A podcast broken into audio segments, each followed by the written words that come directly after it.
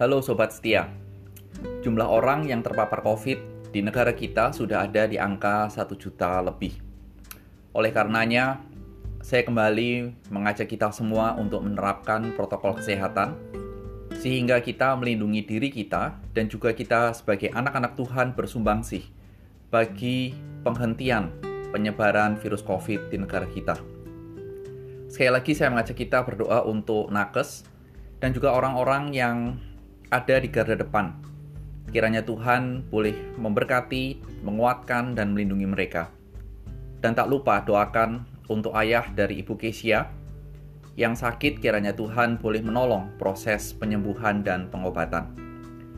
Hari Jumat ini kita akan merenungkan kembali firman Tuhan dari Lukas pasal yang ke-15 ayat 1 sampai 10. Dan saya memberikan tema Dia mencarimu, engkau mencari apa?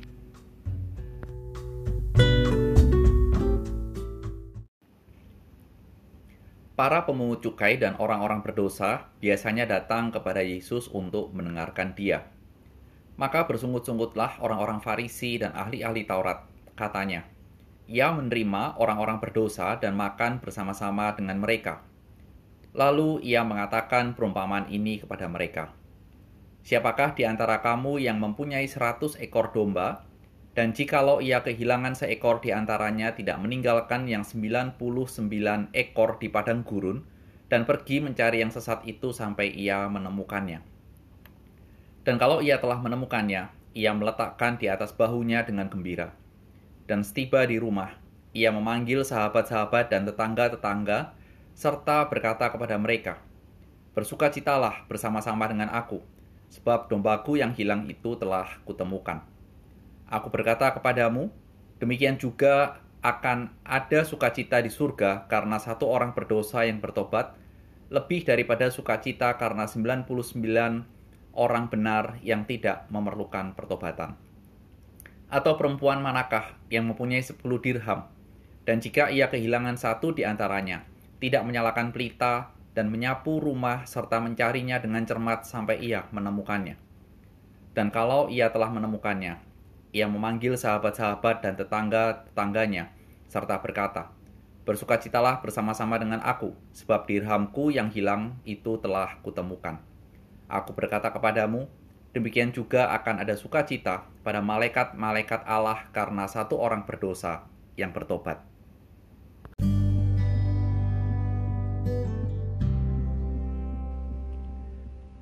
Mari kita sekarang berdoa.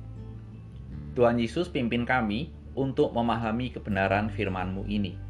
Demi Kristus, amin. Sobat setia, saya percaya bahwa dalam kehidupan kita, kita pernah mencari barang yang kita simpan. Dan ketika kita mencarinya, kita mencari sampai berusaha mati-matian.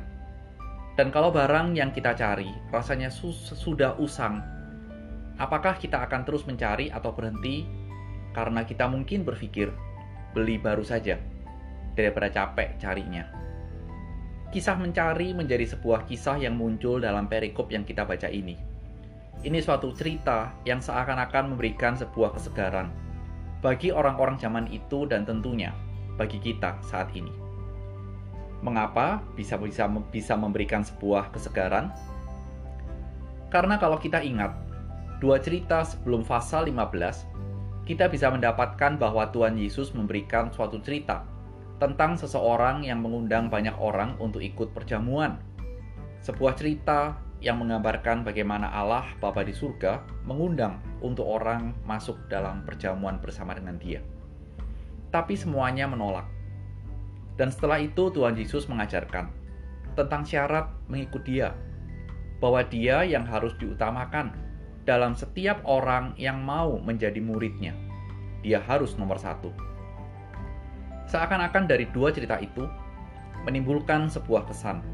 Semua harus kita usahakan, harus kita responi untuk menjadi pengikut Kristus. Hal ini membuat orang berdosa saat itu bertanya-tanya, bagaimana caranya supaya aku bisa menjadi murid Kristus? Seakan-akan pintu tertutup bagi orang-orang yang berdosa.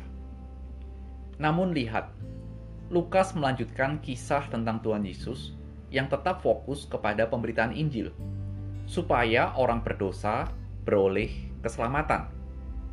Dan di sinilah Lukas menceritakan bahwa Tuhan Yesus sekarang ini memberikan dua perumpamaan tentang bagaimana tindakan Allah untuk menyelamatkan orang berdosa. Perumpamaan yang pertama tentang seseorang yang mencari satu domba yang hilang. Dan perumpamaan yang kedua, seorang yang mencari satu, satu dirham yang hilang.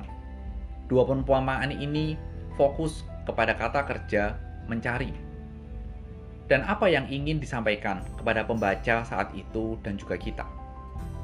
Mari kita ingat, ketika manusia dalam kejadian pasal yang ketiga jatuh dalam dosa, apa yang pertama kali Allah tanyakan kepada Adam dan Hawa? Ingatkah? Betul. Kalimat tanya, di mana Allah bertanya, "Di manakah engkau?" Gambaran seolah-olah Allah mencari, di manakah Adam dan Hawa pada saat itu. Dan kisah dalam kejadian tiga juga menceritakan bahwa ada janji Allah bahwa Mesiaslah yang akan datang mencari dan menyelamatkan yang hilang. Dan sekarang dua perumpamaan ini benar-benar menjadi perumpamaan yang menggambarkan dan mengenapi janji Allah. Di mana Kristus yang adalah Mesias diutus untuk mencari dan menyelamatkan manusia yang berdosa. Sobat setia, dan memang itulah tujuan Kristus datang ke dalam dunia dan bukan yang lain. Tapi coba kita perhatikan, khususnya seseorang yang meninggalkan 99 domba dan mencari satu domba yang hilang. Bila dibuat perhitungan dan perbandingan, maka dia sebetulnya masih memiliki 99 ekor domba. Dan satu ekor domba yang hilang itu satu persen dari yang dia miliki. Tapi entah apa dan bagaimana perhitungannya. Dia meninggalkan 99 ekor domba di padang gurun dan mencari satu ekor domba yang hilang itu. Tergambar, ini sebuah rencana yang masuk logika atau tidak. Bisa ya dan bisa tidak. Tapi ketika kita meneliti lebih jauh, ada satu hal yang perlu kita perhatikan. Harga yang harus dibayar untuk mencari satu ekor domba yang hilang bisa dikatakan besar. Mengapa demikian? Sobat setia, Ingat, satu gambaran yang paling jelas tentang gembala adalah dari Daud. Ketika Daud mengembalakan kambing domba, ancaman yang biasa terjadi adalah serangan dari singa dan beruang. Dan kalau kawanan singa menyerang 99 ekor domba, dan saat itu tidak ada gembala, kira-kira domba itu bisa apa? Bisa melawan tidak? Pasti tidak bisa yang ada pasti lari, dan sekencang-kencangnya domba lari, secepat-cepatnya domba lari, singa pasti berhasil menangkap dan memangsanya.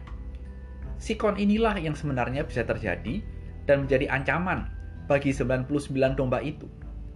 Tapi demi satu domba, yang kalau bisa dibilang nakal dan orang Jawa bilang dablek, gembala itu pergi, meninggalkan 99 domba demi satu domba itu.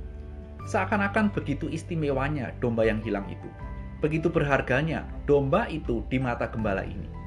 Dan inilah suatu gambaran yang muncul di ayat yang ke-10 ayat 10 ayat pertama dari pasal yang ke-15 dalam Injil Lukas. Bahwa pertobatan satu orang itu begitu spesial, begitu istimewa dan itu mendatangkan bagi su, mendatangkan sukacita bagi malaikat di surga ada sorak-sorai di kerajaan surga ketika satu orang berdosa berhasil diselamatkan oleh Kristus.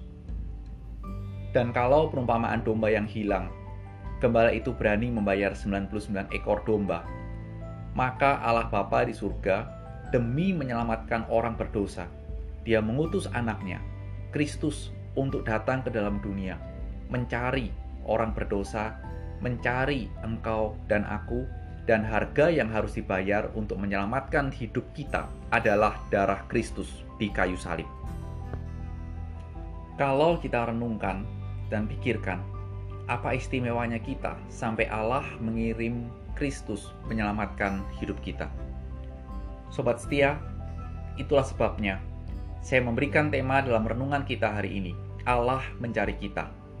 Sehingga yang harus kita renungkan, harus kita pikirkan dan refleksikan.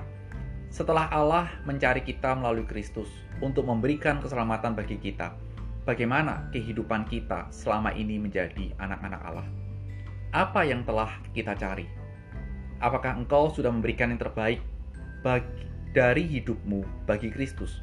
Atau selama ini hidupmu tidak beda dengan orang yang tidak mengenal Kristus, yang sibuk memuaskan keinginan hidupnya, entah hawa nafsu, keegoisan, kedengkian, atau bahkan demi meraih kekayaan, dosa pun dilakukan.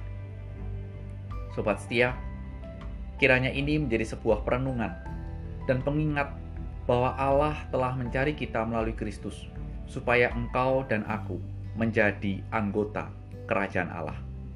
Selamat beraktivitas dan selamat mencari wajah Allah dan Tuhan memberkati.